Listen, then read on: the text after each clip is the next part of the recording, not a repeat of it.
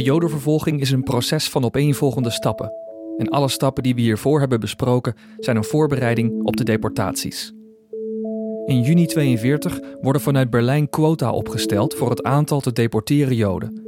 En de naties in de bezette landen doen alles om die quota te halen. Om die deportatie zo ordelijk mogelijk te laten verlopen, zonder protest, houden ze de Joodse slachtoffers gevangen totdat ze naar werkkampen worden gebracht. In Amsterdam wordt gedurende 16 maanden een theatergebouw gebruikt om in totaal meer dan 46.000 Joodse Nederlanders gevangen te houden voordat ze worden gedeporteerd. Dit theater, de Hollandse Schouwburg, vormt het keerpunt van leven in beperkte vrijheid onder anti-Joodse wetten naar gevangenschap en uiteindelijk de dood. Er is van die 16 maanden in de Hollandse Schouwburg een klein aantal foto's bewaard gebleven. Annemie Kringold, conservator van het Joods Cultureel Kwartier, laat er een zien. We zien een wat rommelig binnenplaatsje met een uh, best een flinke groep mensen. Ze kijken in de camera. Het zijn allemaal jongvolwassenen. Uh, het is een zonnige dag. En in die groep zie ik op de rug een Nederlandse politieagent staan. We weten dat deze foto is genomen op de achterplaats van de Hollandse Schouwburg in de laatste twee weken van juli 1942. We weten ook wie de fotografe is. Lydia van Nobelen, Riesau. Een uh, nog jong meisje, een jaar of 17 in die tijd, die naast de Hollandse Schouwburg woonde.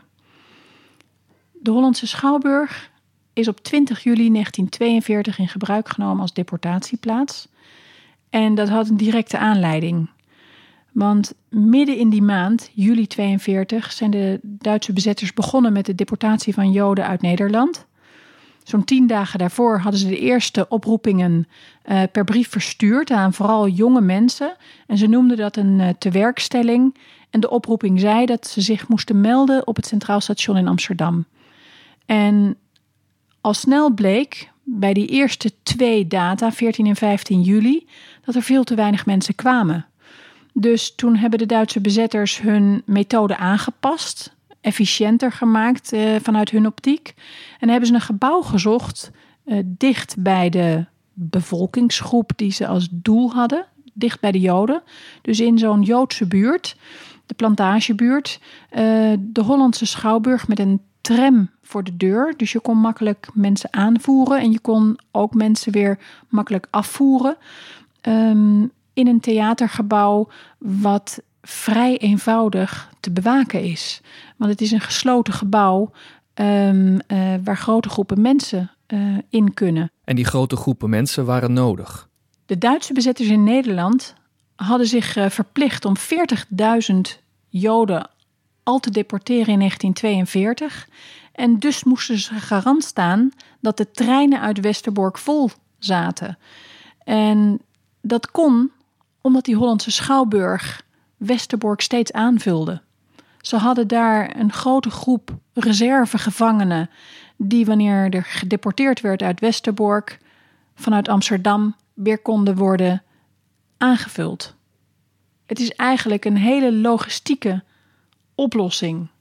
Een logistieke oplossing die uiteindelijk niets anders mogelijk maakt dan moord.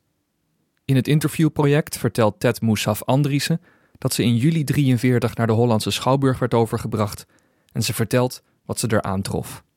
Nou, chaos, een absolute chaos. En die grote zaal overvol mensen, allemaal huilend en schreeuwend en kinder en blerend en geen ruimte voor niemand om te, te zitten, te liggen, alles en iedereen over en onder elkaar met de rugzakjes. En, want wat, iedereen had dan toch dat beroemde rugzakje bij zich en verder niks. En natuurlijk huilende kinderen en angstige moeders en, en één grote bende. En allemaal mensen die dus wisten, nu is het afgelopen. En dan wachten tot je eruit gepakt werd en dan voor de deur in de tram werd gegooid of in, de, in die overvalwagen en uh, afgevoerd naar het station en wegwezen. Ik weet niet hoeveel mensen daar op een dag wel gezeten hebben. Het was één grote gaande en kom, of komende en gaande maal. Mensen erin, mensen eruit. Mensen erin, mensen eruit. En dat ging dag in dag uit zo. De Jodenvervolging was op dat moment in volle gang.